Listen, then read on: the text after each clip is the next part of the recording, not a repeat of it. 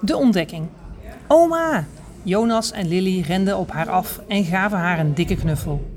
Oma lachte breed en gaf daarna haar zoon een kus. Zo lieverds, komen jullie de boel weer op stel te zetten de komende week?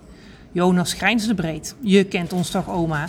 Hij gaf haar nog een knuffel en bukte naar Mix, oma's rode kater.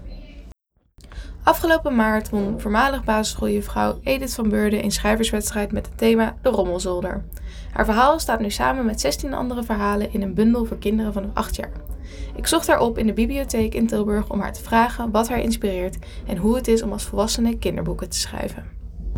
Eigenlijk alles. Maakt eigenlijk niet uit wat ik, eh, wat ik meemaak of wat ik tegenkom. Dat kan, eh, je kijkt nu naar buiten en het regent keihard. Dat kan een inspiratie zijn voor een stukje van een verhaal waarin eh, kinderen door de plassen stampen. En, het maakt eigenlijk niet uit. Ik, ik heb weinig nodig zeg maar, om daarvoor geprikkeld te worden.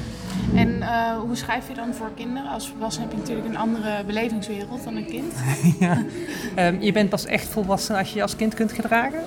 Dat is mijn motto een beetje. Ehm, ik heb bijna 20 jaar voor de klas gewerkt, uh, middenbouwgroep groep 6. Het zijn kinderen van 9 à 10 jaar, dus ik ken die uh, doelgroep ken ik best goed. Um, en het leek me gewoon leuk om daar een bijdrage aan te leveren. En uh, op die manier ja, ook in het hoofd van het kind te komen.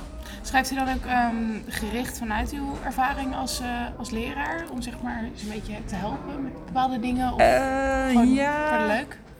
Ja, allebei wel. Het ligt er een beetje aan. Um, dit verhaal is gewoon voor de leuk. Het was een schrijfopdracht en uh, moest je 2000 woorden besteden. En het uh, onder, onderwerp was de rommelzolder. Dus in zoverre, ja, vrijheid voor zover je wil. Ehm, maar ik heb ook andere verhalen geschreven. En um, er zit eigenlijk altijd wel een stukje waarheid in, zeg maar. Dus ik doe wel onderzoek naar iets. En daar wil ik wel heel graag terug laten komen. Dus er zit wel ergens, het juf, zeg maar, blijft erin zitten. Hoe u onderzoek?